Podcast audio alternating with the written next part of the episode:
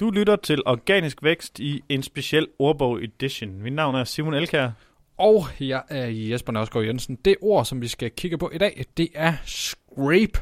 Ja, og hvad betyder at scrape? Det er direkte oversat til at skrabe, og det, er jo en, det handler om information. Og øh, som vi lige snakker om et eksempel, det var, at det kunne være, at jeg lavede en liste over alle Øh, øh, ja, det kunne være alle frisører, det kunne også være alle øh, hundesalonger i, øh, hvad hedder det, hele Esbjerg. Og det jeg så skulle bruge, det jeg skulle lave en, en side med åbningstider over alle dem her. Det jeg så gjorde, det var, at jeg kunne gå ind og scrape deres hjemmesider for deres åbningstider og gemme dem i hos mig. Så det er faktisk en måde, hvor du går ind og tager information fra et andet sted via en crawler, der går ind og hopper rundt på deres side, og så scraper dem for information. I princippet så er det også noget af det, som Google gør med deres bot. De scraper dig din information, og så kan de give dig for eksempel snippets, eller vise det derude i, i, i Google med noget øh, flytider har de. De har også uh, informationer om, uh, ja, fra Wikipedia og alt muligt andet derude. Det var uh, at scrape, det betyder altså skrabe indhold.